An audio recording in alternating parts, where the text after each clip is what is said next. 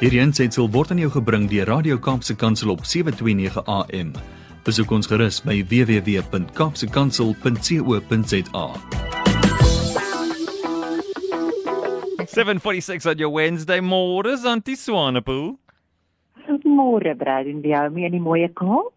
Sorry, I'm, I'm. Are you going to come visit us sometime? You must have a little circle. I know on your calendar somewhere in one of the pages there's a circle around the square. Absolutely. As soon as I can do that, I am there. Wat het jy vir ons vanoggend, Zanti? Ons weet dit is 'n storie. Ek kan nie wag daarvoor nie.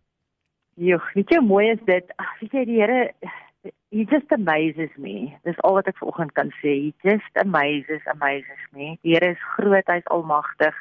But how beautiful is it to listen to the story Hmm. that that the lady just told and to know that God works so universally because my theme this morning is become beautiful through the mirror of God's word Oh. because he turns ashes into beauty. Hmm. Is dit nie beautiful en is presies wat sy mee wakker geword het vanoggend en die liedjie wat in haar kop was is dat I sometimes feel we look in the wrong mirror when we judge ourselves or when we look for our own beauty. We look in a mirror that's made from humans and we see our own reflection back. En soms as ons dit terugsien dan is ons teleurgestel, ons wil iets anders sien Hmm. maar dit is omdat ons in die verkeerde spieël kyk because the only mirror that can really show us who we are and really implant in us the beauty God has made us with is the mirror of his word. Hmm. Ek wil vanoggend vir jou sê in Matteus 4 vers 4 staan daar Matthew 4 verses 4 it says but he answered and said en Jesus het so mooi gepraat hier. He said it is written man shall not live on bread alone Hmm. but on every word that proceeds out of the mouth of God. Verstaan ons regtig hoe kragtig hierdie vers is? Do we really understand that we cannot live of human made bread alone, but that we can only live from God's word which we find in the Bible? Hmm. En dis waaroor my storie gaan vir oggend en, en wat ek regtig vir jou as luisteraar wil los. Want dit is vir my crucial. Daar's ek wil die Engelse woord gebruik, dit is my crucial.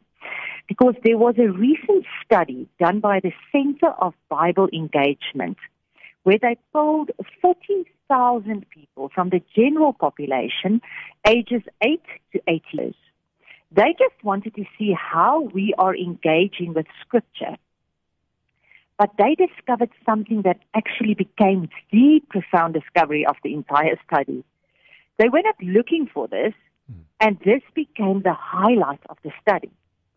Because when we are in scripture once a week, and this could be at church on a Sunday when the pastor says, Open your Bible, read this verse, and hear the message, but one time a week had a negligible effect on some key areas of your life. Two times a week had a negligible effect. Now, at three times a week, reading your Bible and scripture, there was a blip on the map. There was something like a heartbeat. Hmm. Something happened. Again, a heartbeat. But here is the profound discovery they made. When we are in the scriptures, in God's word, in the Bible, four times a week, it re- literally spikes off the chart. You would expect that it would be one, two, three, and then there would be a gradual incline on the effect and impact that that would have on your life. But it literally went from one, two, three, four to going off the chart. Amazing. And something radically happens when you spend four times a week in the Word. So you might ask, what kind of behavior is then affected? Let me give it to you. Feeling lonely dropped by 30%.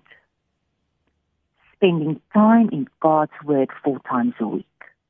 Eating from the real bread of life. Yeah. Amen. Checking yourself in the real mirror. Feeling lonely dropped by 30%. Anger issues dropped by 32%.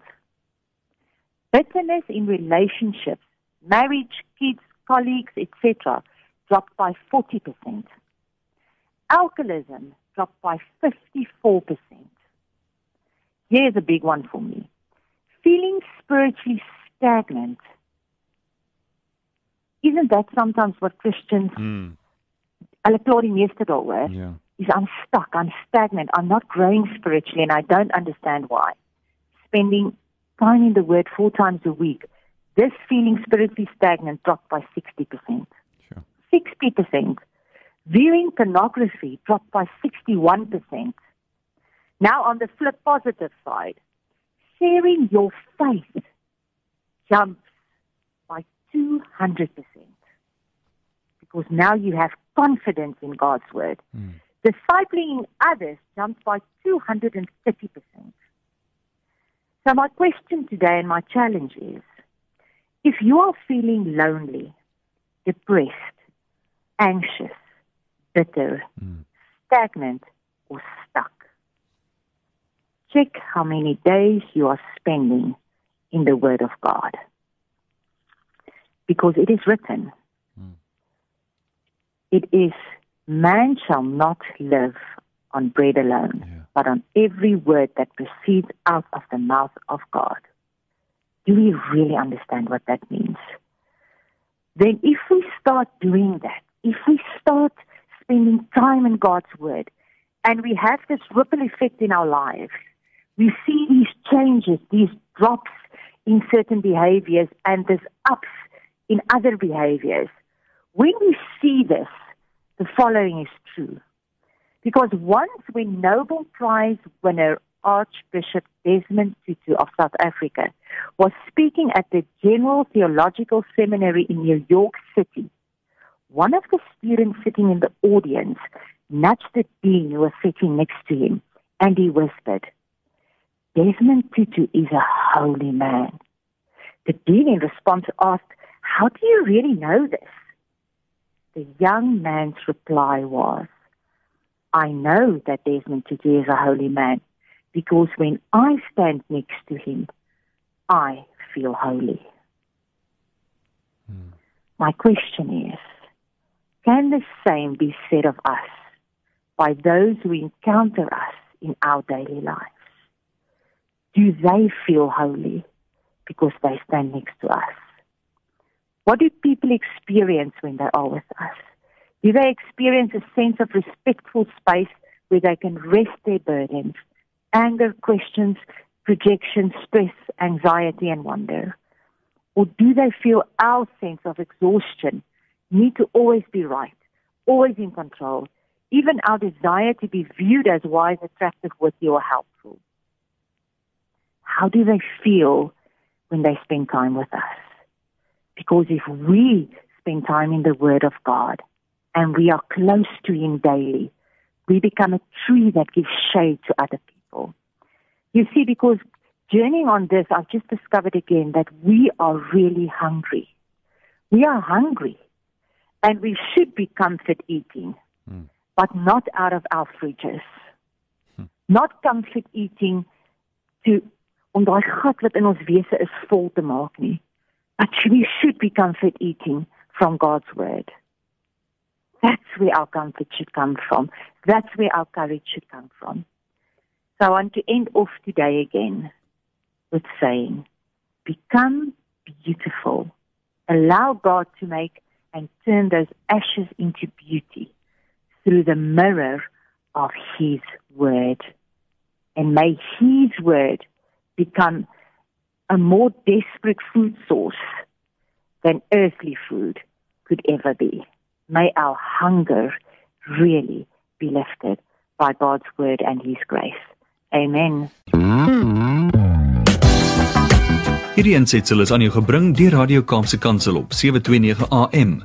Besoek ons gerus op www.kaapsekansel.co.za.